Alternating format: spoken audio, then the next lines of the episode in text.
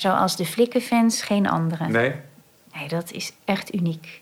In hun enthousiasme, hun trouw, hun liefde voor die serie. Dat is iets waar iedereen altijd stijl van achterover slaat. Flikken Maastricht. De langstlopende dramaserie van Nederland. Al 16 seizoenen lang volgen we de avonturen van Eva, Wolfs, Marion en Romeo bij politie Maastricht. En wat is er in de tussentijd veel gebeurd? Die avonturen verdienen een podcast, vind je niet? Ik, Ben Prins, praat in deze podcast met cast en crew over onder andere de wapens, Hier hebben we die flippers. Flipper naar beneden. Kamer kijken. En weer terug. Over stunts, Veel mensen denken, als ik het gaspedaal maar diep genoeg intrap, dan ziet het er goed uit. Maar daar gaat het nou net niet om.